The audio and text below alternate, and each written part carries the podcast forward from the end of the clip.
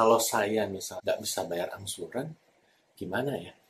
Orang banknya cuma bilang, sederhana sih, nggak apa-apa pak, yang penting jangan sampai lewat bulan, usahain jangan sampai lewat bulan. Yang perlu diluruskan faktanya adalah mungkin persepsi marketing KPR-nya menyampaikan hal tersebut itu sebenarnya adalah untuk menenangkan customer yang bersangkutan supaya tetap mengambil KPR. Kemungkinan yang berikutnya adalah aman ini dimaksudkan dari sisi kebijakan bank tersebut.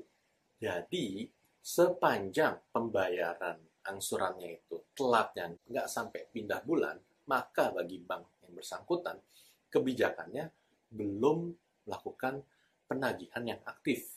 Mungkin seperti itu ya. Karena itu hanya bicara soal lingkup sisi banknya dia. Tapi bagaimana kalau misalnya dari sisi customer-nya sendiri? Sebenarnya aman nggak sih